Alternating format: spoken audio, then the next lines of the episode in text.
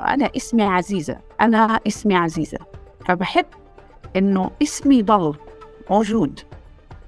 هذا التواصل عزيزة. بيني وبين الناس باسمي. أهلا فيك لا بس استفاد من الموضوع يعني. وببين علي إني أنا هذا الموضوع بكره. تعرف قديش قاسي هو الإنسان. بيته إنه يتم شيء يعني. أنا بفكر من أقصى الأمور ممكن تصير. أنا فكرت انه التعذيب ما ما توقف كمان. وعندي الدليل الشخصي يعني من اعتقال أحد الأقارب. ما في ولا أي حالة من ال 250 حالة إلا كان في خرق بمكان معين أو اثنين أو ثلاثة. متهمين بقضية مخدرات. تم تعريتهم تماما وإجبارهم على النوم على الثلج والرو بتعرفي وأنت بتحكي معي أنا حاسس إنه كل جسمي بوجعني أي حدا أجهزة أمنية ما نتناسب. شخص إسلام يعني من من من خلفية إسلامية بفكر بالانتحار من شدة التعذيب لك أن تتخيل قسوة التعذيب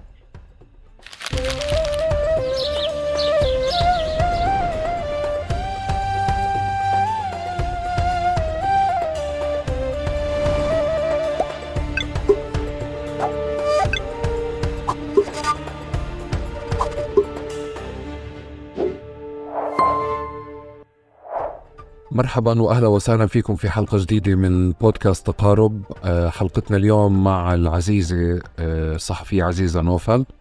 آه، كتير حوارات وكتير حديث كل فترة بنسمعه أو بصير أو بتصدر على ال social media بشكل أساسي حول قضايا التعذيب. آه، بنعرف إنه في قضايا تعذيب موجودة داخل آه، سجون الأجهزة الأمنية سواء على مستوى السجون المحلية في المدن والبلدات أو على مستوى فعليا السجون المركزية. بس دائما بكون في آه، زي حوار موجود أو تشكيك أو حديث على تراجع التعذيب أو تقدم التعذيب تغير شكل التعذيب أو غيره. آه، وحلقة اليوم فعليا هي فرصة لنقاش الأرقام ونقاش المعطيات اللي بتناقش قضايا التعذيب كلياتها من خلال تجربة آه، العزيزة عزيزة. مرحبا يا عزيزة. أهلا وسهلا فيك يا أحمد. أهلا وسهلا فيك. يعطيك ألف عافية. معكم ونطرح هذا الموضوع اللي بدناش نحكي انه شائك ولكن موضوع ملح وخاصة بالفترة الأخيرة وإحنا بنسمع عن هاي القضايا اللي صدقا يعني مؤسفة جدا إن نسمعها في سياق قضيتنا الفلسطينية الشاملة كمان. أهلا وسهلا. عزيزة بالعادة أنا في البرنامج بترك الضيف يعرف نفسه. بتعريف هيك مختصر صغير بشبه البايو اللي على جوجل أو في المواقع اللي كتير اللي اللي في في لك مساهمات فيها وبنفس الوقت تعريف مغاير. زي ما انت بتحبي. مين عزيزة؟ تفضلي أنا أم لثلاث أولاد أطفال وصحفية مستقلة من مدينة نابلس بسكن في رام الله. هذا هو التعريف اللي أنا بحب أعرف نفسي فيه. تحت صحفية مظلة كبيرة بحب إني ما أخصص حالي بقالب معين من الصحافة رغم إنه التخصص هالأيام هاي مطلوب. ولكن في حالتنا الفلسطينية بتحس إنه التخصيص آه، بغير مبدأ الصحافة اللي إحنا بنشتغل فيها. أنت بتيجي بدك تروح على إنك تكون صحفي استقصائي بشدك الصحفي اللي بده يغطي في الميدان ويغطي القضايا اللي بتصير معنا كل يوم والأحداث وهاي التفاصيل. فهو تعريف صحفية أعتقد إنه هو التعريف الجيد إلي حتى الآن. ما بعرفش. مستقبلا إيش يصير ولكن حتى الآن أنا صحفية مستقلة. طيب إذا بدي أنعش هيك ذاكرتك شوي و... وأطمع ب... بتفاصيل أكثر على كيف صرت صحفية وكيف صرت أم وكيف دخلتي مساحات السياسة من ورا. نرجع لورا شوي. فمن وين بتبلشي من اني مرحلة؟ بدي أبلش من التوجيه. أنا كنت ولا مرة أفكر إني بدي أدرس صحافة. أنا طول حياتي بدي أدرس موسيقى. حابة كثير من إني أدرس موسيقى. بس بتذكر لما أنهيت فترة توجيهي وسألتني المديرة مديرة مدرسة جمال عبد الناصر في نابلس آه، أنت شو بدك آه، تدرسي؟ حكيت لها آه، راح ألتحق بكلية الفنون وأدرس موسيقى. هي بتحكي لي بس أنت ما بتشبهي الموسيقى. ادرسي إشي أقوى من هيك. ف ضلت في بالي هاي الفكرة. آه، بتفكير بسيط آه، وكانت لسه الصحافة جديدة على جامعة النجاح تحديدا. آه، هي اللي كانت أقرب إلي والتحقت فيها. كانت الصحافة قسم جديد تابع للعلوم السياسية. فكان هو خياري يعني هو هذا الخيار اللي اللي بيشبهني إذا لم يكن موسيقى راح يكون صحافة. حاولت بصراحة يعني حاولت والدتي كثير تثنيني لأنه بتعرف إحنا فلاحين والفلاحين لهم عقلية معينة شو صحافة البنت تدرس تدرس آه، آه، معلمة. فأنا كان لازم أتحايل. كيف تحايلت؟ إنه لا أنا دارسة صحافة بس بدي أخذ فرع آه، عربي مشان أروح أصير معلمة. ولحد الآن أمي بتحكي أنت ضحكت علي. حكيتي لي راح تدرس معلمي وبالاخر درست صحافة. رغم لأني أنا عمليا لا اخذت فرعي ولا شيء أنا رايحة أدرس صحافة. إيه ممكن نكون من المحظوظين أو مش من المحظوظين مش عارف إنه بعد تخرجنا مباشرة يعني إحنا تخرجنا من الانتفاضة شهرين انتفاضة الثانية انتفاضة الألفين. فكان هذا الموضوع يعني وضعنا في في في في قلب عمل الصحفي مباشرة بشكل كبير. وتوالت الأحداث بعد ذلك. آه، انتفاضة اجتياحات لمدينة نابلس تسكين لمدينة نابلس تسكين للضفة كلها. كان فرصتنا نشتغل نمارس الصحافة اللي درسناها. وتوالت الأحداث صرنا مع الوقت صرت أنت جزء من هذا الحدث بزواجي واعتقال زوجي وعدم بيتي. صرت أنت من جهة أنت صحفية ومن جهة ثانية إحنا أنا جزء من الحدث الصحفي اللي مستمر. تواصلت كمان مرة تواصل حصار نابلس تواصلت الأحداث. صرنا أكثر أكثر انفول في هاي في هاي العملية السياسية العملية الواقعية اللي بنعيشه يوم بعد يوم. كانت الصحافة في كل يوم بتفكر إنه هذا هو الخيار الصح اللي أنا قمت فيه إني أنا درست الصحافة. يعني دائما بضل أحكي إني أنا الإشي الوحيد اللي أنا فخورة فيه كثير أنا فخورة بشغلات كثير بحياتي ممكن. مش كثير يعني يعد على الأصابع ولكن من أكثر الأشياء إني قدرت إني ما أتماهى مع طلبات أهلي وما ادرس صحافه بالعكس يعني الصحافة هي الإشي وبعد كل هالسنين وأنا حاليا وصعوبات المهنة وصعوبات إنك تكون آه، سيدة أو آه، بنت في مجتمع آه، قروي بعديها مجتمع آه، شوي مغلق بأحداث بدك تطلعي بدك تشتغلي بالصحافة كثير كان صعب. فيما بعد إنك تكون أم وتكوني كمان بدك تشتغلي صحافة مع في نفس الوقت تدير بالك على تديري بالك على على أولادك في ظل غياب الزوج كمان. يعني كان في هناك أعباء متراكمة ولكن هذا هو الأشياء اللي أفتخر فيها فعلا. إني قدرت قدرت في فترة من الفترات رغم صعوبة الأوقات هاي إني أضل على آه، حافة الحياة في هاي المهنة. فعلا كانت أوقات كثير صعبة تمر وكنت أتمسك في مهنة الصحافة لآخر درجة. ولحد ما الأمور ترجع تستقر وأرجع أنتعش في الصحافة. ف صحافي بحس إنه هي هي اللي اعطتني كلمتي يعني أنا كعزيزة يعني. أنا كعزيزة الآن أنا التعريف الصح اللي صحفية. ما بعرف بحس إنه إشي إشي كثير بيعنيني إني أنا صحفية وإنه أنا مارست مهنه الصحافة. في وضع زي وضع فلسطين. رغم كل الصعوبات اللي مرينا فيها. أنا مش رح أفوت الفرصة هاي عشان أدخل بتفاصيل كثيره ورح أستغل إنه إحنا تحت التسجيل عشان أسألك إياهم كلهم مش لحالنا بعد بعد أو قبل التسجيل. أنا إلي الحق أجاوب ولا لا؟ إيه إحنا بندردش. أنا قاعد في بيتك فعليا بدك تضطري يعني ما ما مش مش على الشاشة تقولي لي إنه لا يعني ما بدي أجاوبه هيك أو بدك تتحايلي علي أو أنا وياك لازم عملنا صحن دوالي معي. صحن دوالي مكسر عزيزة طيب إيه إيه شو التعريف اللي بتحبيهوش أو شو التعريفات اللي بتحبيهاش ل إيه أو الأوصاف اللي بتنحكى أو المسميات عن عزيزة مسميات؟ أنا أنا مش عارف ما في مسميات بحد ذاتها بس مثلا أنا من الناس اللي ما بحب حدا يحكي لي أم إشي مثلا يعني لو أسمى باسم ابني. أو زوجة حد يعني أنا بحب اسمي. أنا اسمي عزيزة ما حدا يحكي لي أم فلان. رغم رغم إنه ابني يعني بتعرف يعني أنت عارف شو يعني الإنسان يكون عنده يعني ابن يعني إشي كبير. ولكن أنا ما بحب ما بحب حدا يحكي لي ام يامن مثلا.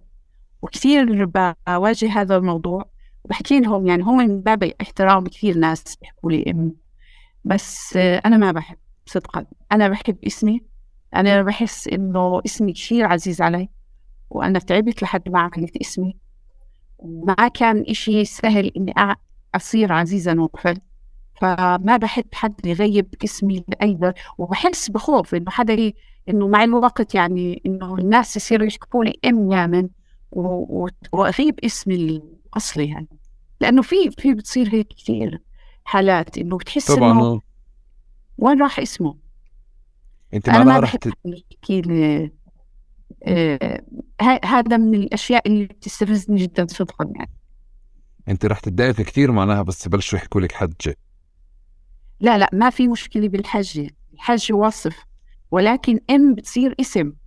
يعني تخيل okay. أنا أخوي يحكي لي ام يامن يعني عف يعني أنا أخوي أنت يعني. تربيت أنا وياك يعني. من وين اجى ام يامن فاهم أنت كيف؟ حتى زملائي يعني. أنا اسمي عزيزة أنا مش مستحية باسمي يعني. وللأسف ثقافتنا بتحس إنه هم بعطوك يعني زي قيمة إنه بنادوك بام هو ما بيعرفوا إنه قيمتك باسمك اسمك. بس علي كمان بحس آه فاهم. وبخطر لي شيء قاعد ما بعرف ليش إنه زي كأنه بصير في جدار أو تعبير عن احترام وترسيم حدود بيني وبينك أكثر يمكن أو في جدار ما بتعزز لما بصير عندك ميامن أكثر من عزيزة. لا يعني... أنا بفكرش بهذا التفكير بفكر إنه أنا آه، هويتي اسمي. مش بقصد عليك بقصد بالدارجة العام. لا أنا كثير أنا كثير حابب أو أنت شو عم تحكي قاعد بشكل يعني عام بشكل عام أي بس حد. اللي أنا بقوله هيك بشكل عام كل إنسان له هوية. هاي الهوية اسمه المكون الأساسي له. أنت لما لسنوات تضلك تحكي إم إم إم إم عمليا أنت غيبت شيء مهم في شخصيته. وعلى فكرة هذا هذا من الأشياء اللي تسقط علينا العادات والتقاليد اللي تسقط حتى على النساء تحديدا. يعني أنا بعرف إنه بيحكوا أبو للرجال ولكن على النساء تحديدا. بيجي زميلك بده يناديك من باب إنه عيب يحكي اسمك مثلا يعني. آه, آه. عرفتي؟ فأنا ما بحب هاي الفكرة. أنا اسمي عزيزة. أنا اسمي عزيزة. فبحب إنه اسمي ضل موجود. هذا التواصل بيني وبين الناس باسمي. أهلا فيك يا عزيزة. بس استفدت من الموضوع يعني. وبين علي إني أنا هذا الموضوع لا معك حق معك معك حق معك حق معك حق. آه، بدي بدي أستفسر عزيزة. انت ب... في بالعادة أنا بسأل شو الحدث اللي خلى الواحد آه، عزز عنده هوية فلسطين أو حولها لإشي مش بس هيك يعني رومانسي أو درامي؟ أو ممكن يكون كمان الإشي من مكان تاني مع تطور السؤال وال... والحلقات اللي عملتها صار في كمان شكل إجابات اللي بقول هو مش ناتج نتيجة يعني العلاقة مع فلسطين مش بالضرورة ناتجة آه لشيء ما بيتعلق بفلسطين بقدر ما إنه كمان بإسرائيل بالإحتلال. بمعنى الإحتلال ممكن يكون أعطاك سبب كمان اللي يعزز لك أكثر الهوية أو يحول لك سؤال فلسطين لسؤال إشكالي. أنا بدي آه، آه، ما بدي أفوت هذه الفرصة يعني مع حدا مثلك. بدي أعرف القصة آه، اللي حولت أو المشهد أو الصور اللي اللي حولت فلسطين عندك من رموز لسؤال لدافع. واشكال وهاجس أنت بتشتغلي فيه. ومن خلال الصحافة واضح إنه بتلاحقيه. بس كمان بحب أعرف عن عن قصص تاني لاحقة. يعني بدي الحدث الاساسي اللي أول شيء بخطر لك بس بحب أعرف كمان عن أحداث تاني شوف أنا ما ولا عمري فكرت بهذا السؤال صراحة يعني. بس خليني أرجع أنا وياك. أنا يعني كبرت بأواخر الانتفاضة الثانية الأولى عفوا. يعني بذكرها خيال. وإحنا كعائلة ما كناش يعني منخرطين في هاي العملية النضالية في الانتفاضة الأولى. أنا مش بتذكر إنه أي حد من عائلتنا تم اعتقاله أو شيء زي هيك. ولكن أنا درست في مدرسة اسمها جمال عبد الناصر في مدينة نابلس وآخر الانتفاضة قبل قدوم السلطة يعني بآخر سنة أو سنتين يعني كان لسه مظاهر الانتفاضة في المدينة. يعني هي كانت في رأس العين. في منطقة حيوية وكانت منطقة تصير فيها مواجهات كثير. بس بتذكر خيالات أكثر من إنه مشاهد حقيقية. ولكن ممكن تستغرب إنه أنا تعرفت على فلسطين المحتلة وفلسطين النضال وهاي التفاصيل بالجامعة رغم إنه فترتها ما كانتش لسه الانتفاضة يعني بداية دراستي بالجامعة كانتش الانتفاضة الثانية إيه، شغالة. ولكن إحنا كان كنا محظوظين كثير بفترة دراستنا كانت أوسلو جاي فكمية الناس اللي كانوا طالعين بتبييض السجون هائلة وجايين كلهم بدهم يخلصوا جامعة أو يعني كيف بدي أحكي لك يكملوا جامعة أو ينهوا جامعة فكانت قصص حقيقية للمناضلين درسوا معنا أكبر منا بسبع سنين أكبر منا بعشر سنين فكلهم كانوا ذكريات ماشية على الأرض. لإيش أنت أعتقلت شو خليتك فهد أسود كتائب يعني في أشياء يعني كان زخم كبير لهدول الناس. يعني على الأقل أنا بحياتي الجامعية. يعني أنا درست مع قيس عدوان درست مع محمد الحنبلي درسنا مع محمد البشاوي إيه كانت في في المهرجانات اللي تصير جمال منصور وجمال سليم يجوا على الجامعة نشوفهم. إيه أنا أنا صورت أبو علي مصطفى أول مرة أجى على الجامعة بعد إيه عودته لفلسطين استقبلته الجامعة ورحت سلمنا عليه وصورناه. يعني كان في هاي الرموز الدائمة حتى لو الوضع كان مستقر ما في انتفاضة مباشرة. فيما بعد صارت الانتفاضة. بتحس إنه الموضوع مش والله فجأة إيه في فلسطين لا إشي تراكمي وإشي مع الوقت وإشي استمراري. هلأ بدك تحكي لي فيما بعد ليش ما بعرف ما فكرتش صدقا في الموضوع ولكن حسيت إنه الموضوع هلأ لما وأنا قاعد بفكر في الإشي بحس إنه استمراري. بعد الجامعة صارت الانتفاضة صرنا نغطي انتفاضة استشهدوا كثير ناس إحنا بنعرفهم درسنا إحنا وياهم مشينا بجنازات ناس عزيزين علينا كثير إيه، تأثرنا مدارس أغلقت صار اجتياحات مدرستي والأحياء اللي أنا كنت أمشي فيها كلها تهدمت. إيه، أنا ولا مرة بنسى منظر السواد اللي بالاجتياح الكبير. أنا للأسف كنت في عمان حجزت في عمان فلما روحت رجعت بقيت البلد سودا. لونها يعني أنا بتذكر نفس مشيت في الشوارع مدرستي كانت لونها أسود من كثر الوضع. كل هاي التراكمات فيما بعد مش مش بعد كثير بال 2005 خمسة صار حدث الشخصي اللي هو هدم بيتي واعتقال زوجي بعد سنة من الزواج. و... وأنا كنت جزء من الموضوع يعني كان الموضوع قاسي جدا يعني بتعرف قديش قاسي هو الإنسان بيته ينهدم إشي يعني. أنا بفكر من أقصى الأمور اللي ممكن تصير. ف سؤال الوطنية وسؤال الهوية الهوية فلسطين في داخلنا. ما أعتقد إنه إحنا تقدر تفكر إنه في في حدث صار عشان هيك طلع. ما بعرف. أنا بهيك بفكر يعني. إنه الموضوع بصير بنغرس في جواتنا مع كينونتنا مع سيرورتنا إحنا ك كفلسطينيين.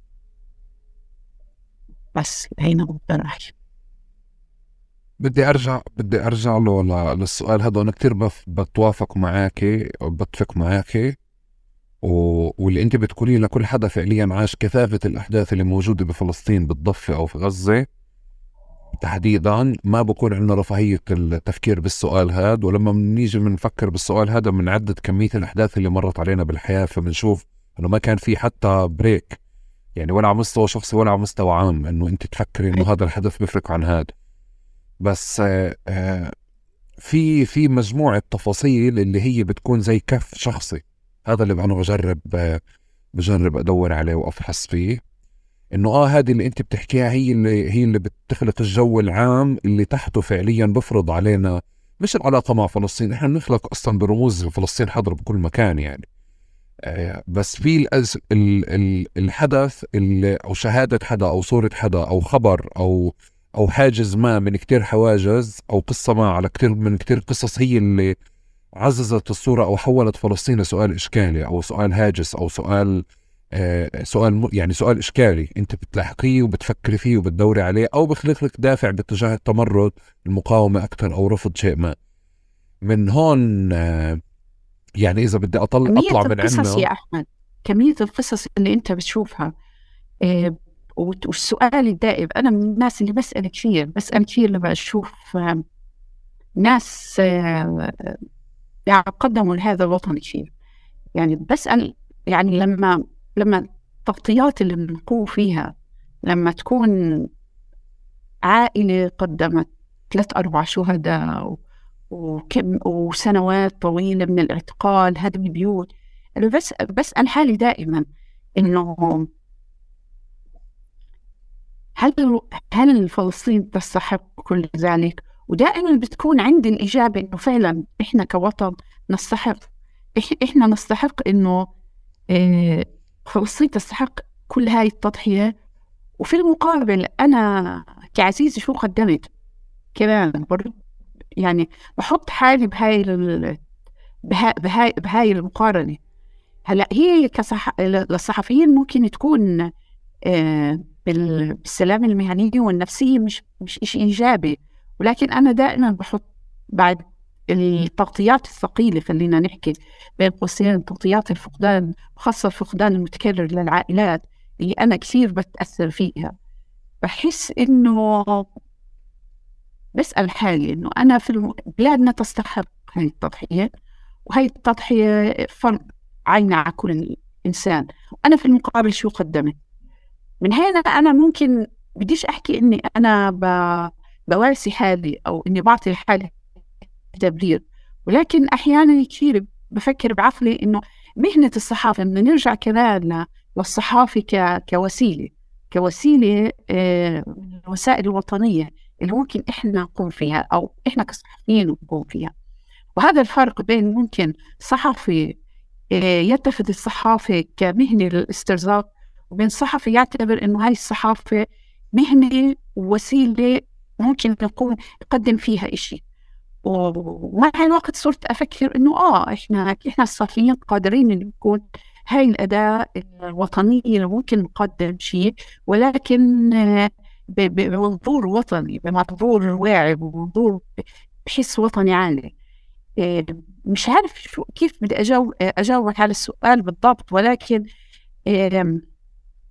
صدقا ما في حدث معين ولكن زي ما حكيت لك في مجموعة أحداث خليك تطرح أسئلة. هاي الأسئلة ممكن تقودك لها لا لا هاي الإجابة إنه إحنا في عنا قضية في عنا وطن في عنا وطن مسروق وإحنا نستحق إنه نعيش زينا زي كل العالم و...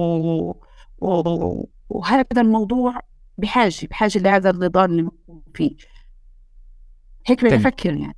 طيب أنا أنا معرفش إنه هذا التفكير أناني لا لا لا لأواسي حالي على على ممكن ممكن إنه كثير ناس قدموا للوطن أكثر منا ولا هو تفكير عقلاني.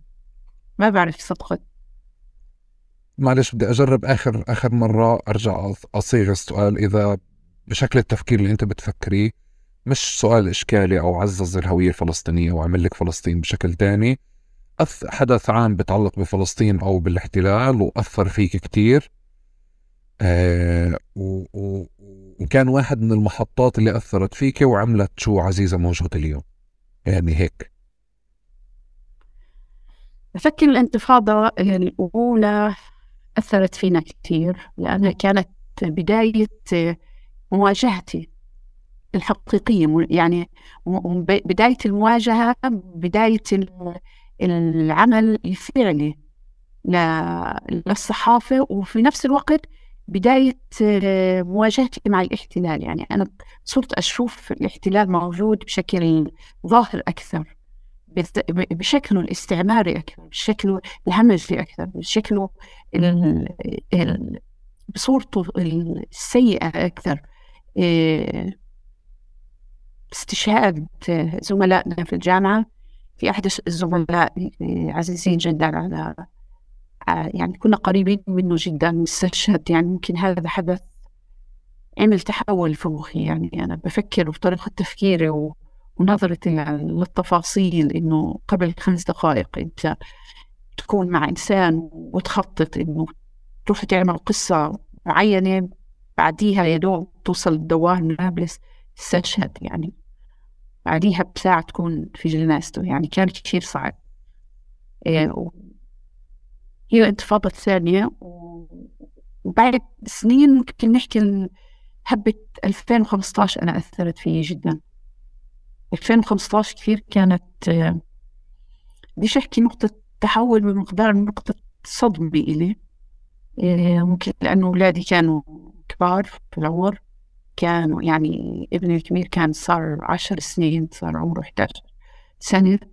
فمعظم الشباب يعني مش أحكي معظم الشباب معظم الأطفال اللي تم إعدامهم ميدانيا بنفس العمر فالموضوع كمان أثر فيني جدا وطرح التساؤلات الكبيرة إنه إحنا شو عملنا وشو بنسوي وشو قدمنا ونرجع. يعني أنا أنا ما أنا كل فترة مش قادر أعطيك فترة محددة لأن أنا أنا بحياتي كل فترة مع كل حدث في فلسطين بعمل هاي ترجع عندي هاي التساؤلات من أول وجديد وبرجع بدور على الأسئلة من أول وجديد. والأسئلة اللي الأجوبة اللي كنت مقنعة حالي فيها أو يعني حاسة إنها أرضتني في السابق ترجع تتكسر وبحس إنه لا أنا بحاجة لأجوبة أكثر إقناع مع الوقت بتصير الأمور يعني إقناع نفسك بتصير أصعب. عرفت كيف؟ مع كل حدث آه وممكن هذا الموضوع لو أنا مش صحفية ما ما بواجهه. عارف كيف؟ يعني أنا أنا متأكدة أنا لو مش صحفية ما بواجه هاي هاي هاي هاي التساؤلات الكبيرة. بس هي فلسطين زي ما حكيت لك كل مرة أنا يعني قبل ما نبلش آه، تسجيل حكيت لك أنا مع استشهاد الزميله شيرين ابو عاقله صدقا صدقا رجعت رجعت هاي الأسئلة من أول وجديد. أسئلة الهوية والقضية وشو قدمنا والبلاد وهاي التفاصيل. كل فترة بترجع الأمور بت... بس السؤال بيكون أصعب عارف؟ وإيجاد الأجوبة بتكون أصعب. والقادم أسوأ عن ما يبدو يعني. ما بعرف كيف. إن شاء الله بكونش هيك. إن شاء الله بكونش هيك. بتعرفي هاي بتقدريش تعلقيها في البيت عندك القادم أسوأ بس بتقدري تحكي بكرة أحلى والقادم أحلى وهيك. أفضل. يعني أروق أحسن. في هيك ألوان بيجي فيها بتيجي مع بياض. سيئة إنك تكون. معنا بدنا نرجع لنفس النقطة سيئة إنك تكون صحفي. بدك تكون موضوعي بدك تكون واقعي. يعني بصراحة بحس إنه لا بحياتنا بحياتنا الشخصية وأمالنا ونفسياتنا بحتاج الواحد يعني يعزل آه، آه، يعني يعزل كل الأدوات اللي تعلمها بعرفها بالتدوين والصحافة والمحتوى وغيره كلها يبعدها عنه. زي ما تعلمت إيش إنه أنا ممكن أكون شاطر مدير بمكان ما بإدارة آه، شغلي وحياتي وترتيبات ومشاريع بس ما بدي أرتب مشاعري ونفسيتي يعني بنفس المنطق. هيك بتمرن الواحد. بس بدي أرجع أكمل معك بنفس المنوال ب... وأدخل أكثر على موضوع التعذيب أكثر بس هون معلش محتاج أكثر يعني تفاصيل وقصص. آه شو اللي أنا بالنسبة لي عزيزة واحدة من الناس الصحفية من من الصحفيين والصحفيات اللي مش يعني مش مش هاويين صحافة إنه أو الشغل تبعهم تقني. فملف التعذيب آه، لما غير إنه أنت آه، اشتغلتي فيه وكنت بشيء نوعي فيه مؤخرا هلأ بنحكي فيه أكثر بس بالنسبة لي أنا متأكد إنه في دافع شخصي حول قضية التعذيب من مسألة شخصية لمسألة عامة و... ويمكن بخلال الحلقة رح نشوف أكثر شو معنى الترجمة تبعت؟ إنه أنت الصحفي مش مجرد يعني هو عمل أو مهنة عم بتقومي فيها بقدر ما إنه هي ترجمة كمان لنضالات أو أو أو تعبير عن رأي بشكل ما يعني. فتعال نبلش من من سؤال أو من فكرة التعذيب. أول مرة إمتى حضرت لك؟ إمتى بلشت تشكلي معها مشاعر؟ عم نحكي التعذيب في سجون السلطة تحديدا عشان نكمل صح. يعني هلأ ممكن أنا أصدمك شوي؟ ونرجع أنا وياك لل 2000 وأنا في الجامعة. بداية ال 2000 وأنا بالجامعة كان مشروع التخرج بالتحقيقات الصحفية. إحنا ماخذين مادة تحقيقات صحفية وكان لازم أعمل تحقيق صحفي. وبفترتها كانت الاعتقالات السياسية آه، قبل الانتفاضة الثانية كانت الاعتقالات السياسية في سجون السلطة في أوجها. يعني للمعارضين السياسيين كان وجه واحد لهي الاعتقالات اللي هم المعارضين السياسيين. فأنا فكرت إنه ليش ما أعملش التحقيق الختامي للمادة عن الموضوع؟ وبالفعل ممكن نحكي على الهواء لأول مرة هذا الحكي. تنكرت إني أنا مع عائلة الشهيد جمال منصور. إني أنا بنتهم وهو كان معتقل بس بسجن جناد ودخلت على سجن جناد وعملت معاه مقابلة وشفت الاعتقالات. هلا ما كان الموضوع صعب زي الأيام هاي صعب من ناحية الإجراءات والتعذيب وهاي التفاصيل ولكن أنا بفكر إنه أول تحقيق بدائي بدائي جدا يعني. قمت فيه كان آه، بتلك آه، الفترة وكثير من الشخصيات اللي حاليا موجود في ناس موجودين وفي ناس صاروا شهداء أنا شفتهم بسجن جنيب بهذيك الفترة. وعملت التحقيق وأخذنا على على منيحة أيامها والأمور هيصة و... وتمام. إيه هذا بذكره جي... جيدا يعني الموضوع وكان بضل في بالي القصة. مع الوقت صار موضوع التعذيب في خاصة بعد نهاية الانتفاضة الثانية بتعرف إنه التعذيب في سنون السلطة ارتفع شوي. كانت فترة انتقالي لمدينة رام الله من يعني العيش في مدينة رام الله وكنت أنا عايشة في نابلس مع إذا بتذكر مجد البرغوثي اللي اللي قتل في سجون السلطة بال 2008 أعتقد. فأنا قرأت ملف لجنة التحقيق. تشكلت لجنة التحقيق من مجلس التشريع أيامها. قرأت تعذيب كان يعني قاسي جدا جدا جدا يعني لدرجة لا توصف. في نفس الفترة أعتقد أو بعديها بسنة كان في قتل شخص ثاني مش متذكر اسمه وكان الحكي إنه حاول الانتحار. إيه يعني الرواية الرسمية اللي طلعت إنه حاول الانتحار. وتم كالعادة تشكيل لجنة تحقيق ما طلعش منها ولا شيء وراحت الأمور و... و... وانتهت القصة. بال 2018 آه، كان في كمان آه، مقترح لإعداد تحقيق. وكانت فترة مقتل أبو العز حلاوي في نابلس. أنا اخترت إني أعمل عن عن الموضوع. في تلك الفترة اخترت إني أعمل لأني أنا في بالي بال 2008 قصة مجد البرغوثي. وفي بالي أبو العز حلاوي بين هدول السنوات العشر سنوات كان هناك حديث دائم إنه الوضع لم يعد كما كان.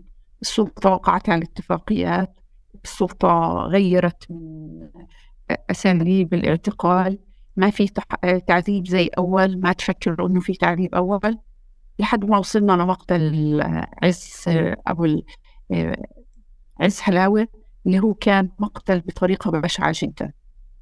فأنا وقفت عند الموضوع وحكيت خلينا نعمل شيء إنه هاي الاتفاقيات الدولية فعلا أثرت على أسلوب التعامل مع المعتقلين السياسيين في سجون السلطة.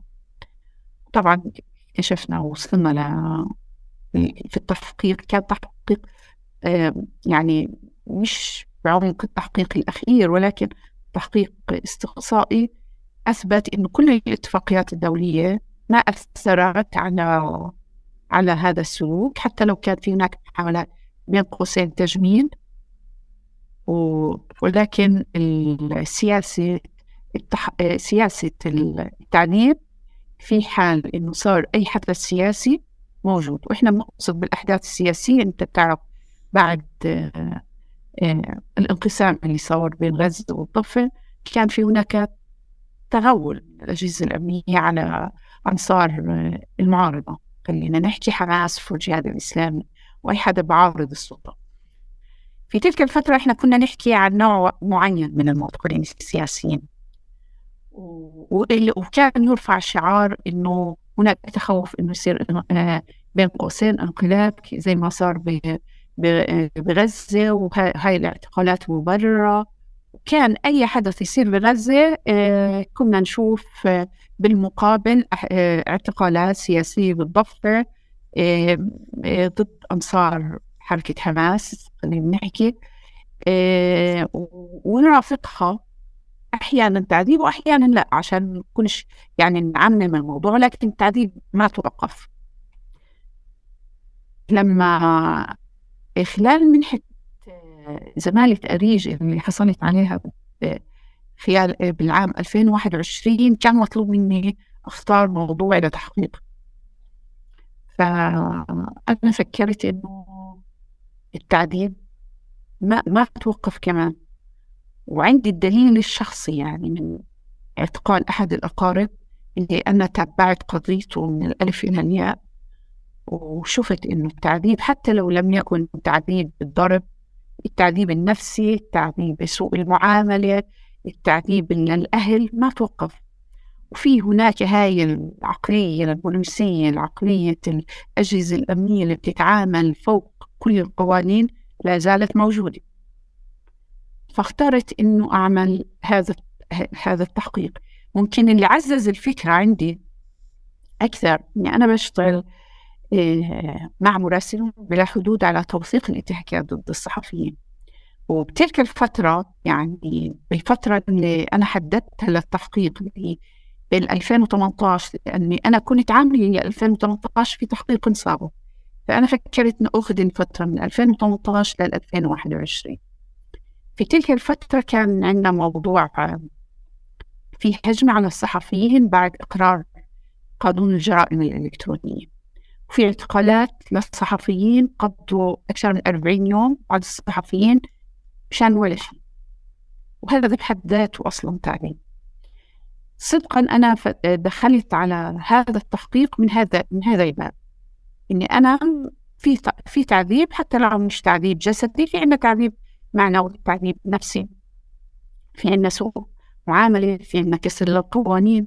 كانت الفرضية أصلا الأساسية لا تتعلق بالتعذيب. الفرضية الأساسية نحكي عن استمرار الاعتقالات السياسية بالرغم من القوانين الفلسطينية والاتفاقيات الدولية التي آه، تحرم ذلك. هذه هي الفرضية الأساسية.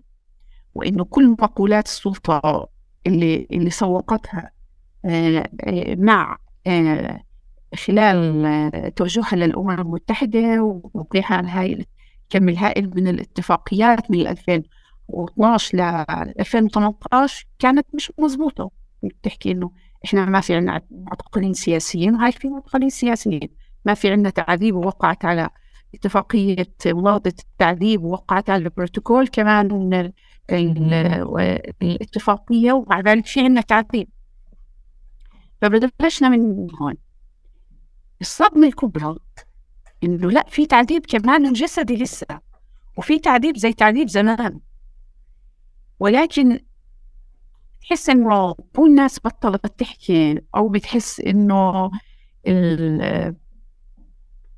إيه، ما في متابعة من المؤسسات الحقوقية أو إنه الأحداث السياسية تطغى على على هذا الحديث ما بعرف. ولكن أنا صدقا صدمت إنه في عنا حالات تعذيب جسدي نسبي لا بأس فيها.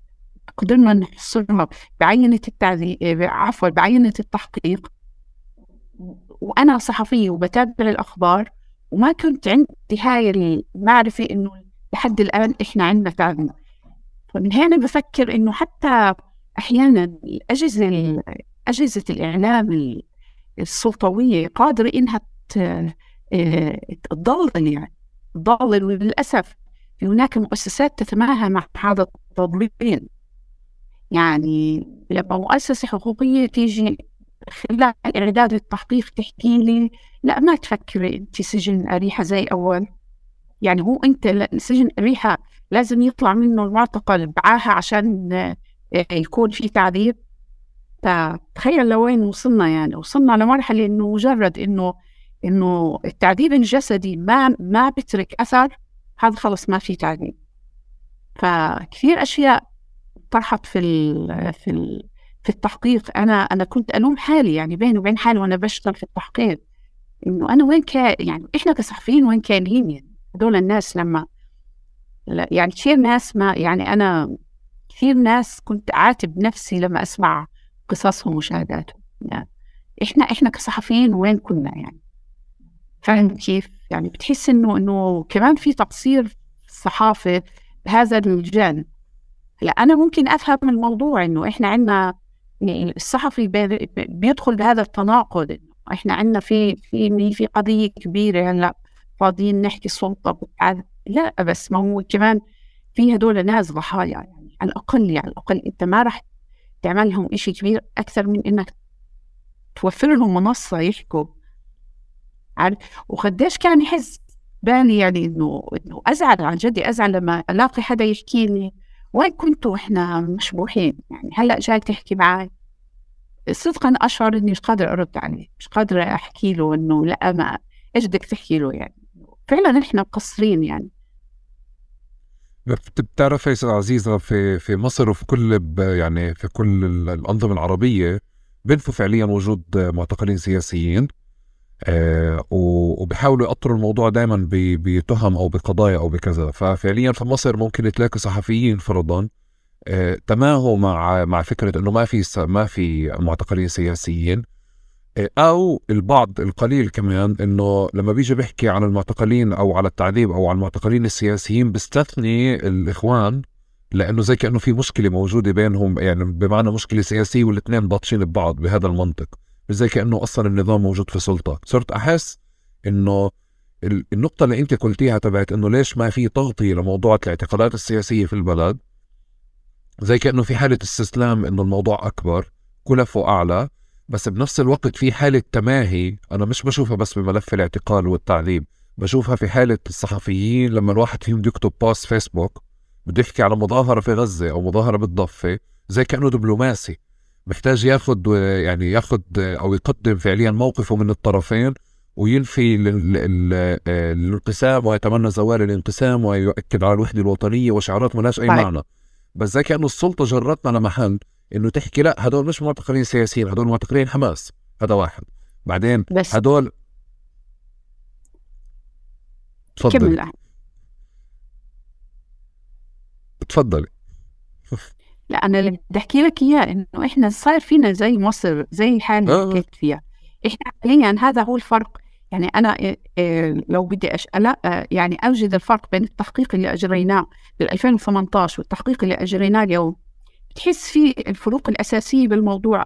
أول فرق إنه مع الموضوع آه، في تغول من قبل الأجهزة السلطوية على كل من يقول لا لها. بغض النظر إحنا بطلت الفئة معارضين سياسيين خلصنا هاي الأمور صار معارضين سياسيين صار أي حدا بيحكي لا للفساد أي حدا بيكتب بوست على وسائل التواصل الاجتماعي. أول إشي الفئات توسعت. شرائح الناس اللي بيتم اعتقالهم توسعت. إحنا بعينة البحث أخذنا ثلاث شرائح. شرائح المعارضين السياسيين نقصد فيها حماس جهاد إسلامي حتى الجبهة الشعبية حتى فتح آه، بانقساماتها الداخلية ودحلان ومش دحلان وهاي التفاصيل. وعندنا آه، حرية الرأي والتعبير اللي هو بعد قانون الجرائم الإلكترونية للأسف صار أي صحفي آه، يتم محاسبته أو أي ناشط أو صحفي يتم محاسبته على أي شيء ما بيعجبه أي حدا. واخذوه وحاسبوه وفي عندنا كمان الحركات ضد الفساد. بس كل هذول الثلاث شرائح لما يجوا يوقفوا قدام القاضي ما لا يتم محاكمتهم على الأسس على الأشياء اللي بيتم التحقيق معاهم. في عندك آه، آه، معظم التهم بتكون حيازة سلاح جمع أموال إثارة نعرات طائفية وإحنا في فلسطين فيش عنا نعرات آه، فيش عنا طوائف مشان نثير النعرات أو المساس بهيبة الدولة. يعني هدول هدول الأربع آه، آه، تهم. طيب وين السلاح اللي ضبطوه؟ ما حدا بيعرف. هو تاجر سلاح بس ما فيش سلاح. وين الأموال اللي ضبطوها ما حدا بيعرف. أنت لما تيجي تقرأ ملفات هدول المعتقلين صدقا يعني الموضوع التفاف واضح التفاف يعني مفضوح ومع ذلك ما في حدا بيحكي وتروح على مؤسسة حقوقية بتحكي بكل بساطة بحكي لك نزل المحكمة والله تهمته حيازة سلاح ما أنت بتعرف إنه هاي التهمة ملفقة هل أنا فعلا بعرف؟ بس هاي اللي نزلت بال بال للقاضي. فإحنا عمليا صرنا زي زي الدول الثانية أنا دائما بحكي للأسف الشديد للأسف الشديد. إحنا بال... ب... ب... بقضية المعتقلين السياسيين. وصلنا لمرحلة إنه نتعلم من من الأنظمة الأنظمة خلينا نحكي الدكتورية الاستبدادية بطريقة يعني بناخذ أسوأ ما عندهم ونطبقه. هلا بنزل المعتقل السياسي على على المحكمة قدام القاضي في تهمة. قدام المنظمات الدولية في تهمة. لما يجي المراقبين ولا المنظمات الدولية العامة بفلسطين ولا ما بعرفش مين يجي يسأل والله هو متهم بإثارة نعرات. عارف كيف؟ هلأ شو بتم التحقيق معاه ما ما حدا بيسأل. وهي نقطة كثير سيئة وكثير يعني كثير كثير بت بتعطي مجال أو القانون قاعد بتفسر بت بتكي يعني بتفصل على حساب على على على قياس الأجهزة الأمنية على الأجهزة يعني الامنيه نعم نعم طريقة يعني ملفته للنظر وفي هناك بتحس إنه في قوة عندهم في في قوة كبيرة. مش مجرد والله أجهزة أمنية وفي لها مرجعيات لا. في في قوة كبيرة يعني. الموضوع صدقا يعني حاليا إحنا بنسمع يعني ممكن هاي قوة التحقيق. التحقيق بيحكي عن إشي إلى حد من 2018 الحالات لنصف 2021 ولكن نفس التحقيق ينطبق على الحالات اللي صارت. وسمعنا عنها الأسبوع الماضي والأيام الفايتة والأسبوع والشهر الماضي. يعني عمليا في استمرارية في الموضوع في تعذيب قاسي صح. يتم في سجون السلطة هلأ أنا ما بدي أحكي إنه دائما وكل يوم وكل واحد يتم اعتقاله بصير معه يعني يمارس عليه هذا التعذيب. ولكن موضوع التخفيف من التعذيب مش منطقي حتى لو واحد فقط يعذب. في عندنا قانون في عندنا اتفاقيات دولية تمنع هذا التعذيب. أنا أنا أنا بدي أنطلق من اللي أنت بتقوليه اراكم كمان على على شو كنا نحكي قبل شوي إنه فعليا السلطة حطتنا على على أرضية بمكان يعني بتذكر 2006 2007 مع اعتقالات حماس كانت اعتقالات مجنونة مش محتاجين يعملوا أي شيء إداري. بس لاحقا تم تأطير كل الأشياء قانونيا صار في زي تشيك ليست بحملوها بنعطيه تهمة بنعطيه كذا بنستدعيه أول مرة بنستدعيه ثاني مرة أو بنبعث له خبر وبنوثق الإشي بإشي مكتوب عشان كنت يعني بيمشوا على إجراءات قضائية كاملة آه آه واللي هي آه اداريا ممتاز حلو أنت عامل كل إشي صح يعني بس إحنا مش بشركه إحنا هون في يعني هون مش نقاش انه إنه مع نقاش ذلك يا ده وقفك يعني ومع ذلك آه، أنا خلال تحقيقي وثقت 250 حالة هذه ال 250 حالة ما في حالة منهم إلا كان في هناك آه، خرق آه، خرق في جزئية معينة قضائية. قانون الإجراءات الجزائية اللي هي عملية الاعتقال. عرفت كيف؟ يعني آه، بمذكرة توقيف من غير مذكرة توقيف تم السماح له إنه يستدعي محامي تم السماح له إنه يتصل على أهله. بعد صدور قرار بالإفراج عنه هل تم تطبيق القرار ولا لا؟ ما في ولا أي حالة من ال 250 حالة إلا كان في خرق بمكان معين أو اثنين أو ثلاث مع كل طب. هاي التحسينات خلينا نحكي ب... أو بعرفش كيف ممكن نسميها يعني. لا هو هي هي هذا اللي أنا أنا هذا اللي كنت بحاول أقوله إنه كمان السلطة حطتنا بأرضية إنه هي آه، آه، تستخدم التعذيب بكيف بدها. الآن يمكن بطل في داعي لأنه تستخدمه مثل 2007 بالنسبة لإلها. يعني إذا أنا بدي أحط حالي مكان هذا بس ما بطل في داعي إنه يستخدمه كيف أول. ما في محاولات فعليا كبيرة ل... ل... للمقاومة واسعة اللي تخلينا كمان تلاقي المجتمع قاعد بيحكي إنه ليش بتعذبوا أولادنا كتير. في حالات فبصير في تعاطي معها فردي. نجحت السلطة بأنه تحول هذا الموضوع على مستوى مجتمعي وعلى مستوى الصحافة والإعلام بأنه هي حالات فردية. ال ال ال الجانب الثاني السيء اللي بحس إنه إحنا زي أكلناه طعم اللي هو قضية إنه السلطة مش بت مش بطلت تتعذب. في تغير لا في تغيير دائم وتطور وتقدم وتراجع دائما بأشكال التعذيب من تعذيب جسدي بشبح بنسمع عنه بأماكن يعني اللي هو الصور التقليدية الكلاسيكية بعرفش إذا هي هيك بذهن كل واحد في صور لشو تعذيب جسدي بس من صورة الشبح في ذهني لفكرة التعذيب النفسي أو الضغوطات النفسية اللي بتنعمل على كتير ناس. والإشي فيه مد وجزر حسب الحالة حسب الداعي. ولكن بالنهاية إحنا بنصير نذكر نستعين بصور ما السلطة بتقدمها لإلنا على إنه تراجع التعذيب. واللي أنا لإلي كيف أنت عم بتقولي يعني هي الفكرة مش يا جماعة إنه إحنا اعتدنا على السقف العالي من التعذيب الكبير الوحشي ال وصار فعليا أي تنازل من قبل السلطة. وهي مش تنازلت هي بطل في داعي تستخدمه. بس اليوم الخوف والقلق إذا رجع في مثل 2007 سبب عندهم لكيف بدهم يعملوا. في تجاوز كان لإشي اجتماعي وإشي سياسي وإشي قضائي وإشي رقابي وإشي كل إشي. يعني كان في فجور. وبظن لليوم ما تغير إشي في البنية. وهذا اللي بشوفه في التحقيقات عندك. وبحاول ويعني وضلت حاضر الأسئلة براسي شاركتك إياها إنه أنا قديش تغيرت أصلا البنى نفسها داخل السلطة وداخل الأجهزة الأمنية اللي بتقوم بالتعذيب أكثر من فكرة قديش بالمخرجات اللي قاعدين بنشوفها في التقارير الحقوقية والتقارير الصحفية إنه تراجع التعذيب يعني هيك.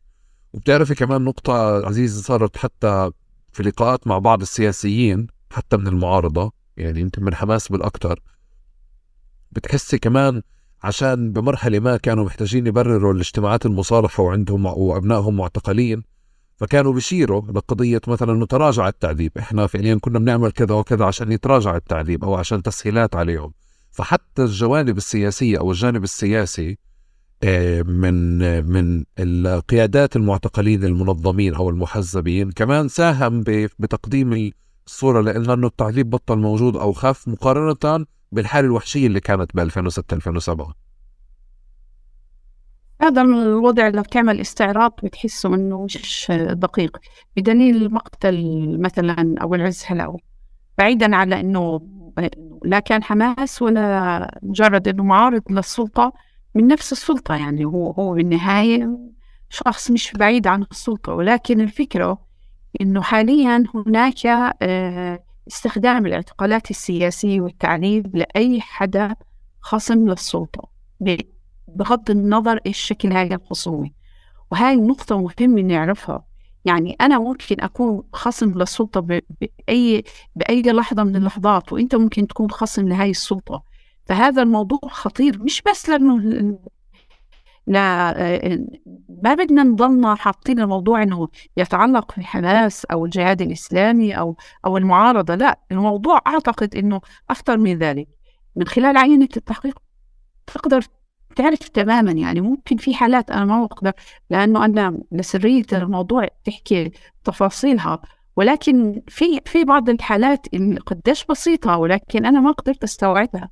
يعني أنا بذكر أحد الحالات اللي بيحكي لي عن قديش تعذب وانشبح وانشبح ثلاث أيام ولا أربع أيام مش متذكر بالضبط وحطوني بغرفة وحطوا على راسي. بكل بساطة بحكي له شو تهمتك بحكي لي رفعت صور أخوي الشهيد.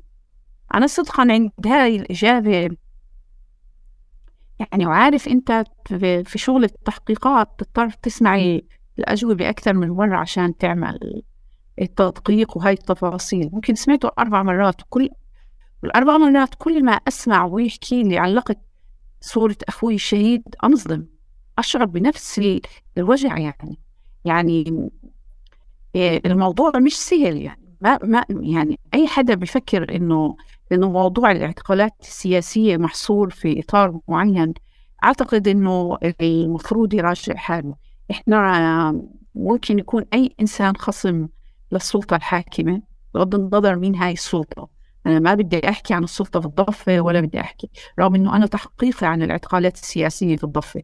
ولكن ممكن ما بعرف ما ما فحصتش ما اشتغلتش. بس ممكن كمان السلطة الحاكمة في في غزة نفس الشيء ما بعرف. بس أنا بفكر إنه بوضعنا الحالي على الأقل بالمكان اللي أنا اشتغلت فيه وأخذت العينات فيه إيه، أي إنسان ممكن يكون محل هدول المعتقلين السياسيين. وإحنا كصحافة كإعلام إيه، المفروض نطلع من من هذا تأنيب الضمير إنه إحنا هلأ بنتناقش بقضية متناقضة مع قضيتنا الأساسية. لأنه أنا زي ما حكيت لك إحنا من إحنا يفترض إنها الصحافة أداة. إيه كمان الصحافة أداة إنها تكون تحقق عدالة. عدالة لكل الضحايا عدالة لكل المظلومين كيف كيف متناقضة يعني هذه؟ كل كل الأشياء اللي بتتعلق باللي بتتوتر بقضية خلافات. إحنا إحنا ممكن لأن نحكي من الداخل ولكن أنا لأن التحقيق من خلال شبكة الصحافة الاستقصائية أريج وتم عرضه من خلال يعني مؤتمر استقصائي حضر كل العالم 360 واحد. خلال الأيام الأخيرة عرضناه. إيه، بتحس اللي من برا فلسطين ما بيستوعب أنتم عندكم احتلال. هم يفكروا تناقضنا الاساسي يفترض إنه يكون مع الاحتلال. وأنا بديش أكون حالي كثير وبدي أحكي لك إني أنا بيني وبين حالي. بفكر إنه إحنا كصحفيين فعلا يفترض يكون تناقضنا الأساسي مع الاحتلال. والخلافات الداخلية هاي ما ما نضطر ولكن فترة من الفترات بتحس إنه لأ. يعني أنا كنت أفكر هيك سابقا ولكن بعد هاي التحقيقات بحس إنه لا يفترض إن نركز على هاي النقطة لأنه العدالة واحدة العدالة واحدة صدقا.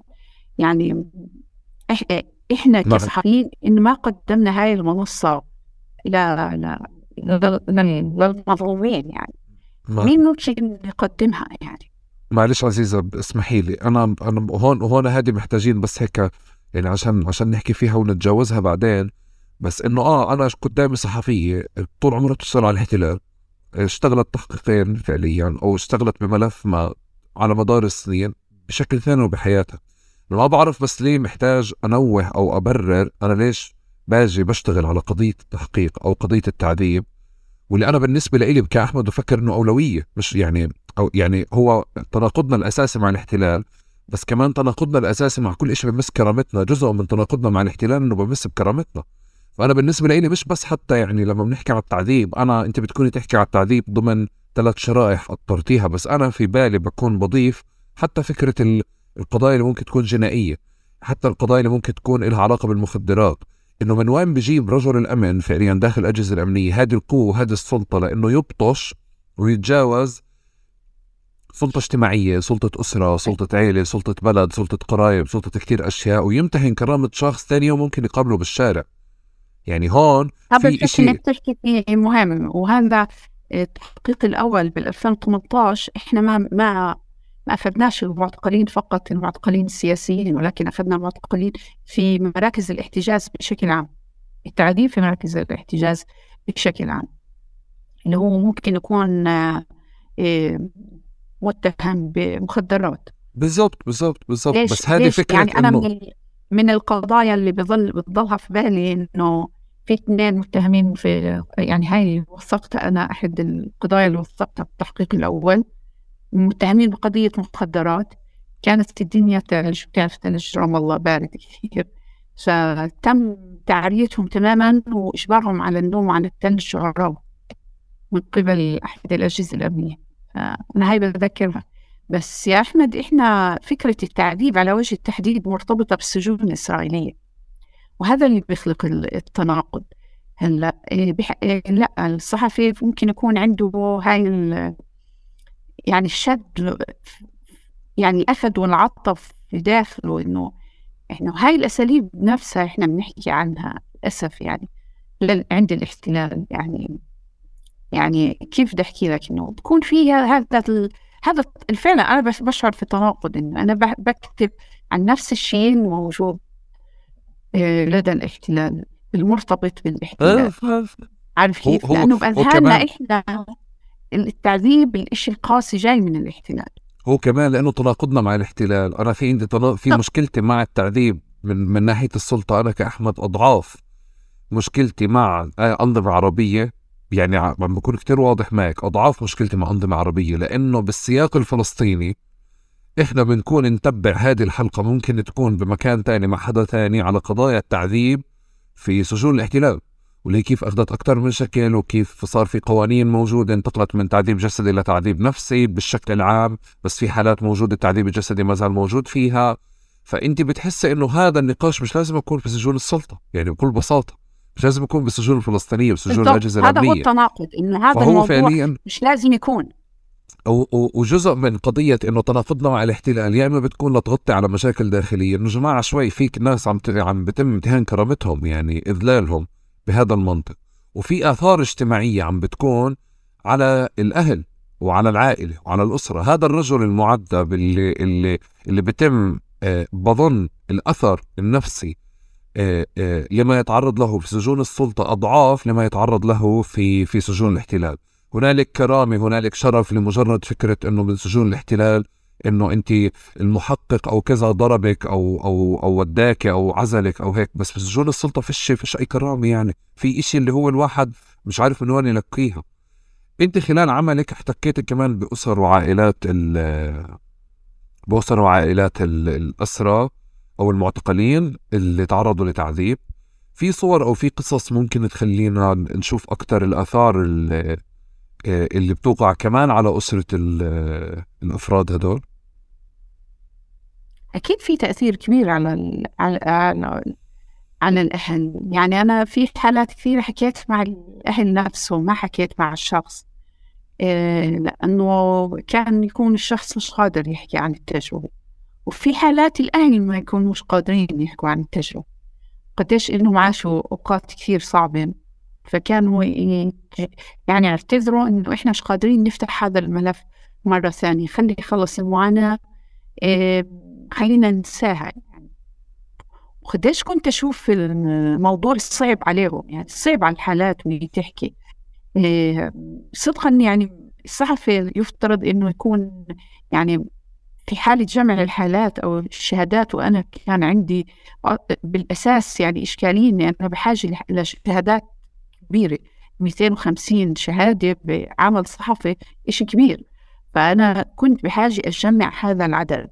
ومع ذلك ما كان عندي القوة في حال إنه حدا اعتذر أقعد أقنعه. أه.